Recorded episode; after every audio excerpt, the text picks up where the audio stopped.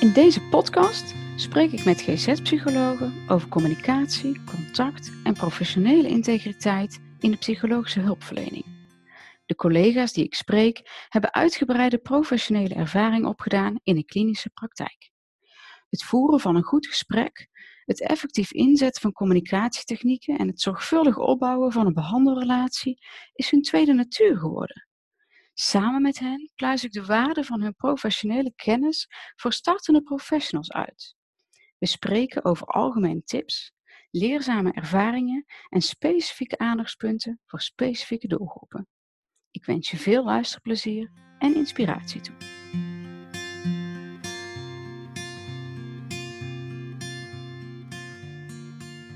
In het volgende gesprek spreek ik met Maartje van de Heuvel, werkzaam als GZ-psycholoog bij Reinier van Arkel, locatie Jeroen Bos ziekenhuis.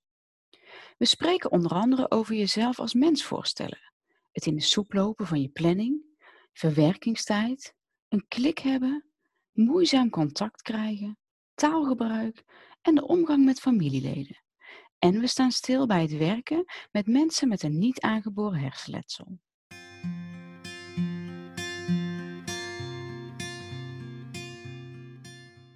Oké, laten we ehm, beginnen. Ehm, iedereen stel ik uh, dezelfde drie vragen en bij iedereen begin ik eigenlijk gewoon bij het begin, namelijk als we het hebben over communicatie, over het aangaan van een behandelrelatie, over het goed maken van contact. Um, wat zijn dan basistips waarvan je zegt, ja, elke startende hulpverlener zou die gewoon moeten weten? Heel belangrijk.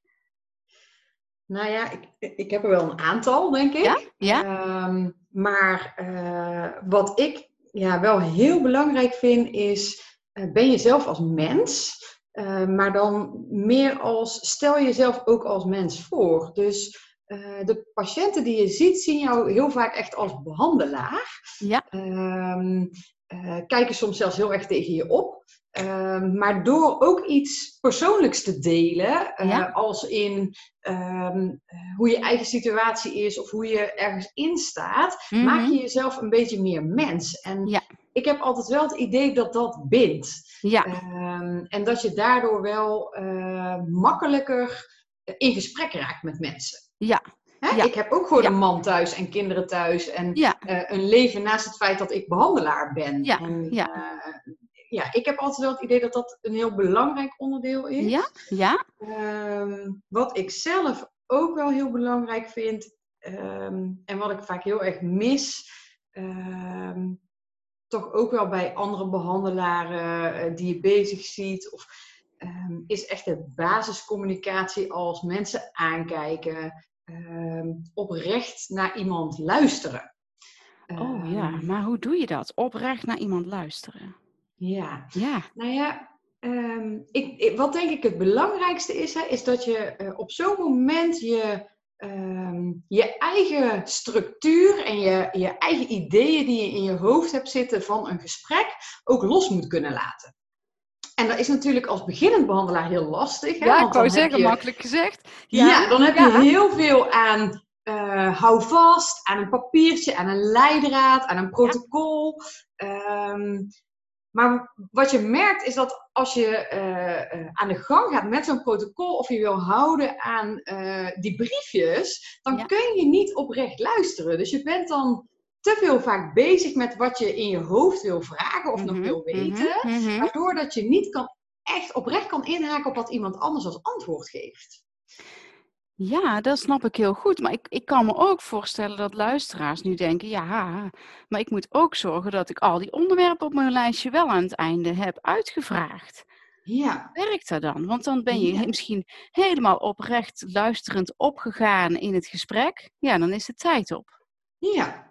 Ja. Nou ja, ehm, eh, twee dingen denk ik. Ehm, je houdt voor jezelf altijd wel een beetje in de gaten dat je bepaalde dingen uit moet vragen. Hè? Ja, Uh, waardoor dat je uh, bijvoorbeeld met jezelf af kan spreken, dat je zorgt dat je een kwartiertje van tevoren stopt, als het ware, het gesprek zo goed als afrondt, zodat er tijd over is om nog te kijken van, goh, zijn er nu nog dingen die ik vergeten ben? oh, dat is een goede tip. Uh, of ja. waar ik met, met u nog even op terug wil komen. Ja, Uh, dus en spreek je, er dan ook af met de, met de cliënten al van tevoren? Dat je dus een kwartiertje voor het einde een beetje afrondt? Ja, ja. dus meestal zeg ik van nou goed, het, het gesprek gaat ongeveer een half uurtje uh, à drie kwartier duren. En dan probeer ik na een half uur voor mezelf heel even te kijken van goh, zijn er nu nog dingen um, die ik vergeten ben en die ik nu echt moet vragen? Ja soms kan een gesprek natuurlijk ook wel gewoon echt anders lopen dan je plant. Ja, ja. Ehm, en loopt je eigen planning wel echt in de soep. Ja. Ehm,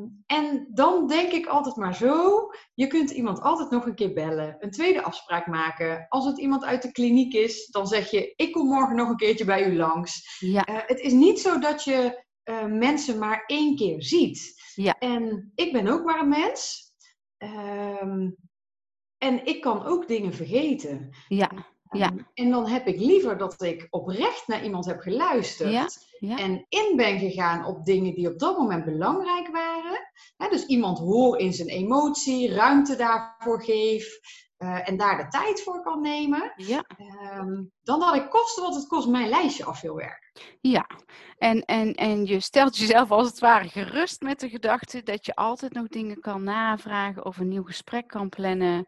Uh, dat je iets voor het einde stopt om te kijken, oh, moet ik nu nog echt iets weten? Ja. Dat zijn natuurlijk wel tips. Uh, ja, waarvan ik kan voorstellen dat het helpt. En waar ik ook nieuwsgierig naar ben, is dat jij ook zegt um, oogcontact maken. Ja. Is dat nou iets wat je eigenlijk beter wel of niet kan doen? Vind jij? Ik denk dat je dat wel moet doen. Ik denk dat um, sowieso communicatie valt of staat met een contact openen. Mhm. En een contact open je door oogcontact te maken, uh, door te kijken of dat iemand ook echt jou heeft gezien. Ja. Um, uh, en ik denk dat als je uh, de non-verbale communicatie van iemand goed in de gaten houdt, Mhm. um, je op dingen in kan springen hè, die op dat moment belangrijk zijn, als het gaat over emoties bijvoorbeeld. Um, maar dat je ook heel goed uh, af kan lezen aan iemand of dat ze überhaupt wel begrijpen wat jij zegt. En of dat de boodschap wel binnenkomt. Ja, maar, maar dat doe je dan denk ik wel door niet alleen oogcontact, maar eigenlijk gewoon überhaupt te kijken naar de ander. Ja. Ja, ja, ja. je kijkt naar je cliënt. ja, En je kijkt naar uh, zijn gezicht en zijn lichaamstaal. ja, ehm, om te zien of dat de boodschap die jij brengt ook daadwerkelijk binnenkomt. En helemaal bij de doelgroep ouderen. Hè? Ja. Dan heb je met zoveel verschillende facetten natuurlijk te maken die van invloed zijn. ja, Als visus, gehoor, ja, Ja. ehm, andere beperkingen. ja. Ja, precies. Nou ja, laten we daar inderdaad nog dadelijk even wat verder op inzoomen. Ehm, had jij nog andere basistips waarvan je zegt, oh, maar die wil ik echt nog graag even aanstippen? Ehm, Hoeft niet, want Basistips, nou het enige wat ik zelf heel belangrijk vind, en dat is niet zozeer een, uh, een tip in de communicatie, maar meer um, na afronding van een gesprek. ja, Uh, je, kunt, je kunt het ook uh, in je intro verwerken natuurlijk, maar wat ik heel belangrijk vind is dat um, als het om een behandeling gaat, um, moet jouw patiënt wel comfortabel zijn met zijn behandelaar. En Ja. ik besteed daar eigenlijk altijd nog heel even extra aandacht aan om te zeggen van, goh, laat dit gesprek nou nog eens even zakken. Ehm, kijk nou eens of dat het goed voelt Mhm. eh, en of dat je eh, de klik voelt met de behandelaar. En mocht dat nou niet zo zijn, want dat kan, hè? ja. no hard feelings. Ehm, eh, laat het dan nog heel even weten. En dat hoeft niet aan mij persoonlijk, dat mag ook aan het secretariaat of aan de receptie. Of ja, maar laat het even weten, want anders doet een patiënt zichzelf tekort in zijn behandeling. Ja dat, dat, dat, dat geloof ik wel. Alleen het lijkt me ook best wel confronterend voor jou als psycholoog als iemand dan zegt, nou, liever niet bij jou. Ehm, dat klopt. Alleen als psycholoog ben jij eh, zelf het instrument. Mhm. En ik kan, ehm, ik, ik neem mezelf mee. Ja. Ehm, en dat betekent dat ik niet met al mijn patiënten die klik kan hebben, die ik misschien graag zou willen hebben.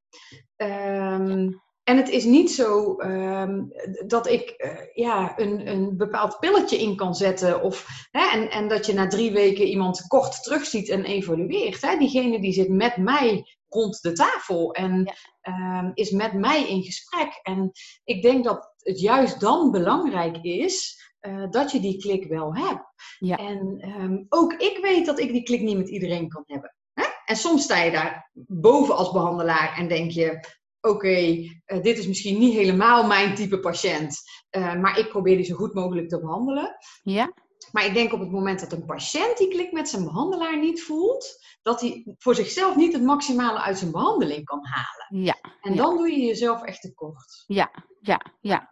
Ja, en die boodschap geef je dus ook bewust af, expliciet aan de patiënt of de cliënt in de kamer. Ja, ja. ja. ja. en wat gewoon heel belangrijk is, is dat je daar denk ik bij benoemt van Um, ik begrijp het. Hè? Ja, je kunt niet met iedereen die klik hebben. Nee, um, en dat is oké. Okay, en, en dat is dus niet erg. Ja, dat mag. Ja, ja precies. Ja, ja.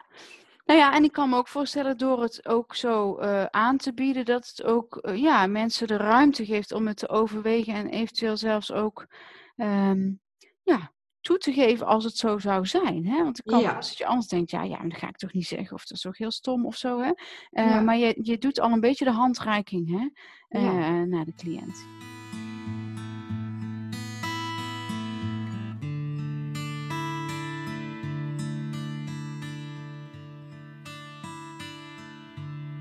Ik vraag ook in elk gesprek naar, heb je misschien leerzame ja, blunders of ervaringen waarvan je achteraf zegt van, oh, nou daar, daar zou echt nog wel veel mensen van kunnen leren als ik die nou eens deel. Ja, die uh, zijn er zeker. Ja. um, nou ja, kijk, weet je, um, ik, ik denk iedereen maakt fouten. En um, het mooie daarvan is dat je daarop terug kan kijken en dat je daar um, heel veel uit kan halen en, en heel veel kan, van kan leren. Mm -hmm. En op het moment dat, um, dat ik geen fouten meer maak, dan moet ik stoppen met mijn werk. Oh, dat is een interessante stelling, ja. Ja, ja. ja. Want dan ben je uitgeleerd. Dat, dat is eigenlijk wat nou, je Ja, je kunt het niet perfect doen, denk ik. Ja. dus, dus fouten in een gesprek blijf je, denk ik, altijd maken. Ja. Um, als je ze maar herkent en als je er daarna maar iets mee doet. Ja. Uh, ja. Dat is denk ik het allerbelangrijkste. En um, als ik terugkijk naar mezelf en, uh, en het gaat dan over een stukje communicatie en, en contact maken en wat is belangrijk, um, ja, dan heb ik ook echt wel blunders gemaakt. En ja, één, één blunder om met jullie bijvoorbeeld te delen is. Uh, als je werkt met mensen met niet aangeboren hersenletsel en mm. veel beperkingen, um, uh, dan kan je werkdruk nog zo hoog zijn. Maar dan is het wel heel belangrijk om uh, van tevoren te weten naar wie je toe gaat. Ja. Uh, en wat mij een keer is overkomen, is dat ik gewoon geen tijd meer had om in het dossier te kijken. En um, een intake moest gaan doen. En dacht, nou ja, weet je, die intake, dat lukt mij wel. Um, en ik ben naar boven toe gegaan en um, ik ben aan het bed gaan zitten van die patiënt. Hè? Want ja. uh, uh, de intakes deden wij aan bed bij, uh, bij mensen met een hersenbloeding of een herseninfarct. Um, en toen heb ik een gesprek met die patiënt gehad en dat gesprek dat verliep niet heel soepel. Ja. Het contact maken ging niet heel lekker. het afstemmen met de patiënt was heel erg moeilijk. tijdens dat gesprek merkte ik zelf al dat ik dacht, uh, waar ligt het aan? Hè? Wat mis ik? Uh, het ging gewoon niet zoals, ik, uh, zoals een gesprek normaal verloopt. Ja. En, um, nou ja, toen ging ik mijn, ehm, mijn dossier uitwerken. En toen kwam ik eigenlijk pas bij um, twee hele belangrijke dingen. En dat was, ik zat aan de rechterkant van het bed van mijn patiënt. En deze meneer was aan de rechterkant doof. Oh, echt? Ja. En deze meneer die had uh, door zijn um, herseninfarct, ja? had hij een uh, neglect. Dus eigenlijk ja, ja. Uh, aan de rechterzijde oh, geen aandacht voor wat er allemaal speelde. Um, Want dat betekent neglect hè, dat hij daar ook niks kon zien, hè? Nee, ja, nee. precies. Ja. Dus um, hij voert eigenlijk een gesprek met iemand die wel in de kamer aanwezig is, maar ja. die die niet echt goed ziet zitten. Ja, Op het moment dat hij zijn hoofd volledig zou omdraaien, wel. Um, maar daar was hij gewoon niet voldoende toe in staat. Um, en toen ik dat allemaal zag, dacht ik, ja, niet zo heel gek. Dat Ja. ik het gesprek moeizaam vond verlopen. Ja, En ehm, eh, dat het contact moeilijk te maken was met die man. Want het was mijn fout dat ik aan de verkeerde kant van het was ja. gaan En die man die dacht, met wie heb ik eigenlijk gesproken? Ja, die heeft zich waarschijnlijk ook heel veel afgevraagd. Ja, Ja. ja, Dus ehm, ja, als het dan over communicatie gaat, zijn dat wel handige dingen. Ja, precies. Dus, dus, dus je enerzijds eigenlijk toch als het kan verdiepen in met wie ga je spreken. En ook kijken of je misschien met dingen nog rekening moet houden als je gaat communiceren. Hè? Ja, dat is ook ja. eigenlijk wel echt een beetje het bruggetje naar de laatste vraag.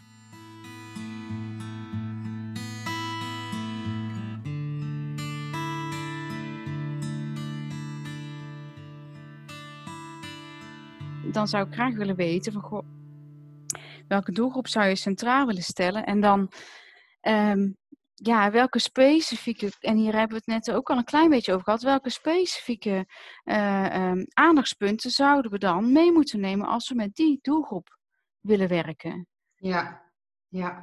Nou ja, dan, dan zou ik de doelgroep willen pakken van mensen met niet aangeboren hersenletsel, hè, mensen met hersentrauma's, Mhm. ehm, hersenbloedingen, herseninfarcten. Ehm, en als je naar die doelgroep kijkt, dan, eh, zoals wij nu een gesprek voeren, Ja. eh, en op dit tempo, Ja, kun je geen gesprek voeren met mensen met niet aangeboren hersenletsel. ja, Eh, dus wat heel belangrijk is, is dat je je tempo aanpast. ja, Ehm, en met tempo aanpassen eh, bedoel ik niet alleen dat je ehm, rekening houdt met eh, het tempo waarop dat je zelf praat, maar ook eh, de ruimte die je iemand geeft om een antwoord te geven.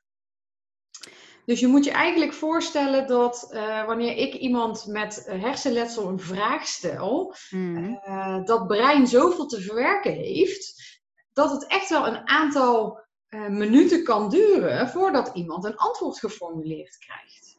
ja. Dat lijkt me best wel moeilijk. Ja, dat klopt. En ehm, dat is misschien ook nog wel leuk voor studenten om eens uit te proberen wat er gebeurt hè, op het moment dat iemand jou een vraag stelt en degene die tegenover jou zit, die blijft twee of drie minuten stil. Wat doe je dan? Eh, en wat je merkt als je daar niet zoveel ervaring mee hebt, is dat je geneigd bent om te denken bij jezelf, hè, ehm, zou ik de vraag nog een keer moeten herhalen? Zou die me goed gehoord hebben? Ja, Eh, en wat je dan gaat doen, is zo'n vraag herhalen. ja, Ehm, of is hem op een andere manier stellen ter verduidelijking.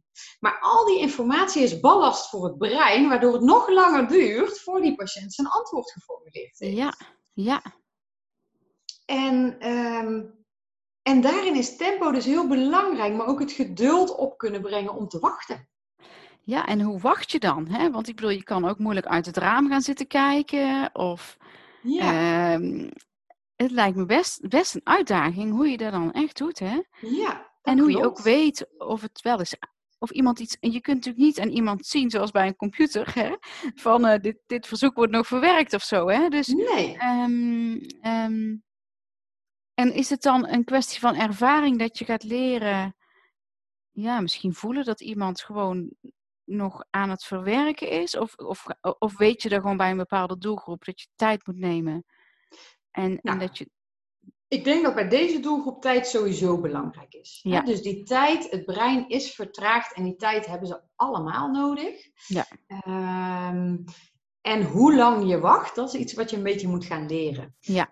En soms kan je juist dus ook aan non-verbale signalen van mensen zien, of aan, aan, aan ge- gezichtsuitdrukkingen, dat de boodschap niet is binnengekomen. Ja, Dus ja. daarom is het belangrijk om het contact met iemand juist niet te verbreken. ja, Ehm, maar je eigen te maken dat het prima is om even te wachten en om iemand eventjes gewoon aan te blijven kijken.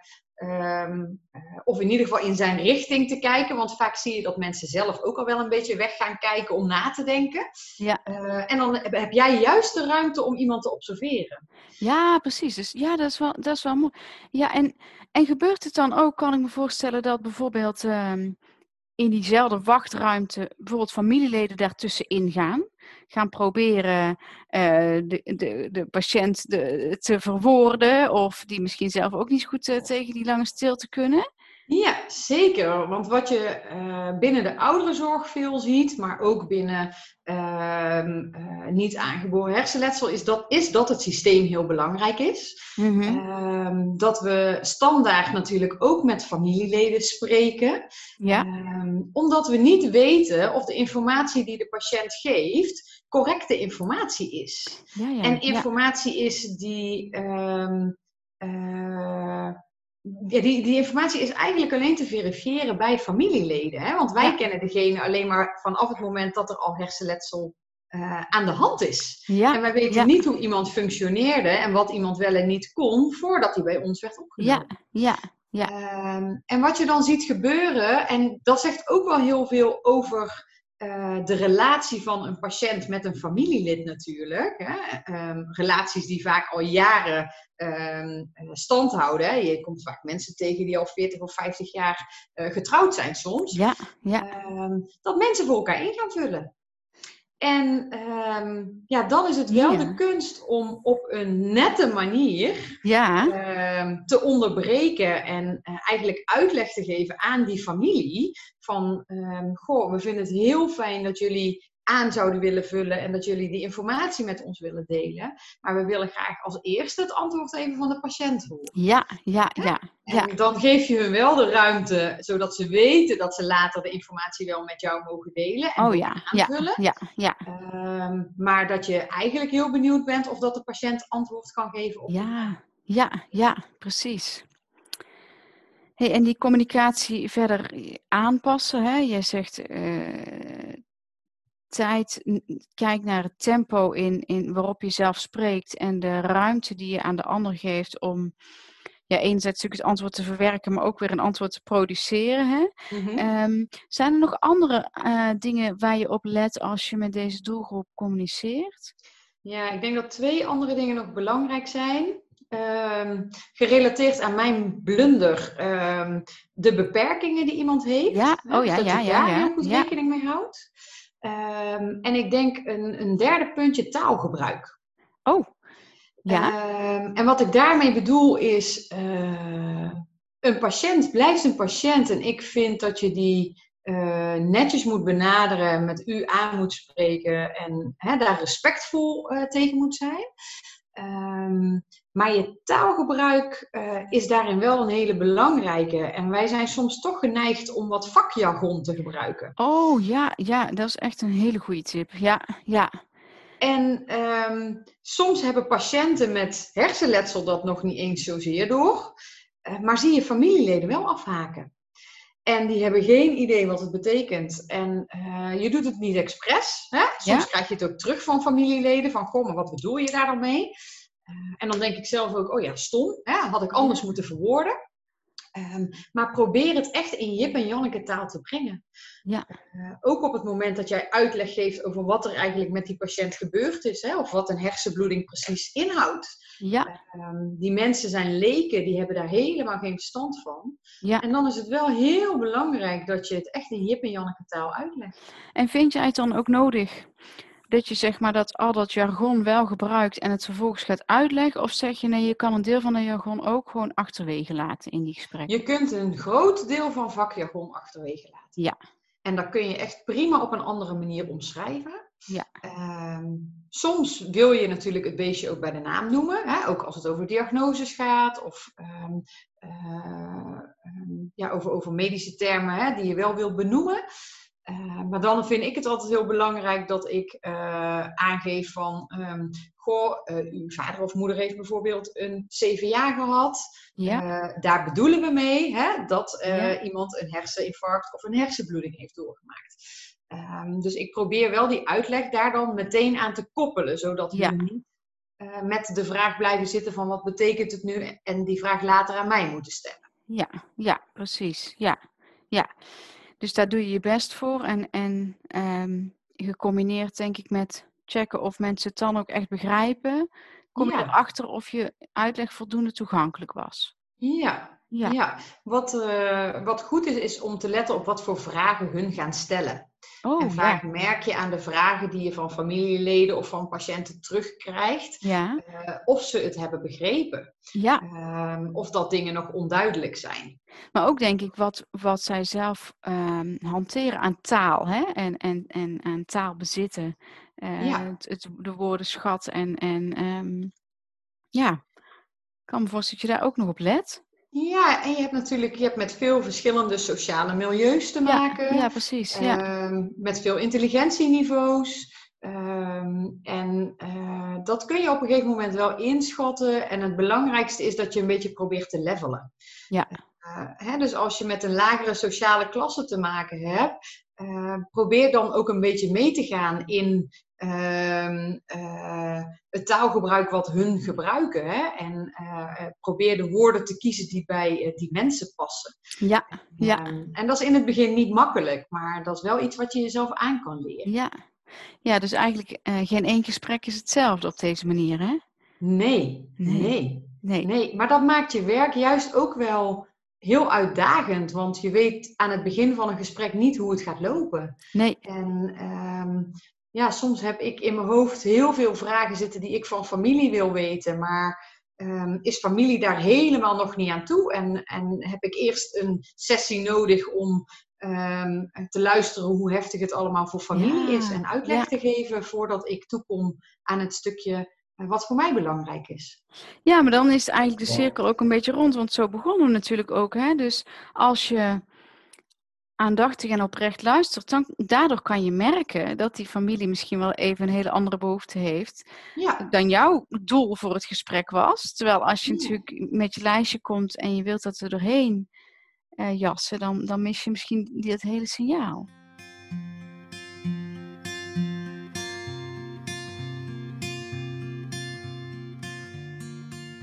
Ben je enthousiast over deze aflevering? Laat dan een review achter of deel je enthousiasme op social media.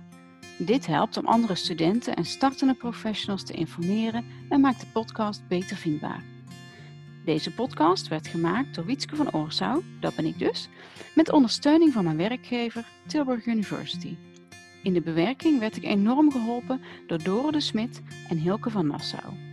De muzikale begeleiding werd, grote dank, mogelijk gemaakt door Linda Zelmans.